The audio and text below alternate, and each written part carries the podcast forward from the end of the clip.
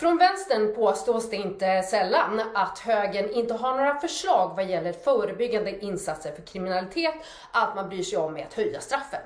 Men det stämmer inte. Höger och vänster har helt olika sätt att se på hur man bäst förebygger brottslighet. Där man från höger tycker att höga straff, mer resurser och verktyg till polisen så att de verkligen kan se till att de som har begått brott åker dit, det är förebyggande i sig. Vänstern säger ofta att eh, det är fattigdom som leder till kriminalitet. Och vad är det då egentligen som är det bästa sättet att förebygga fattigdom? Jo, enligt högern är det att fler människor har ett jobb, är självförsörjande.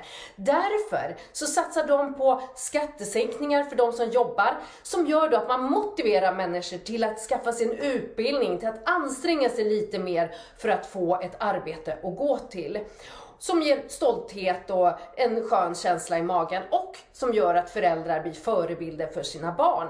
Det är förebyggande.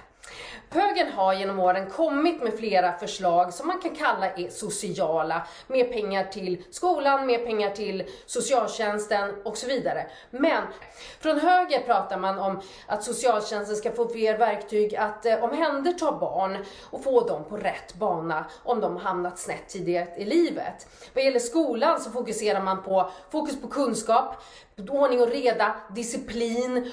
Det i sig gör att barnen får en bättre grund att stå på för en framgångsrik, hederlig framtid.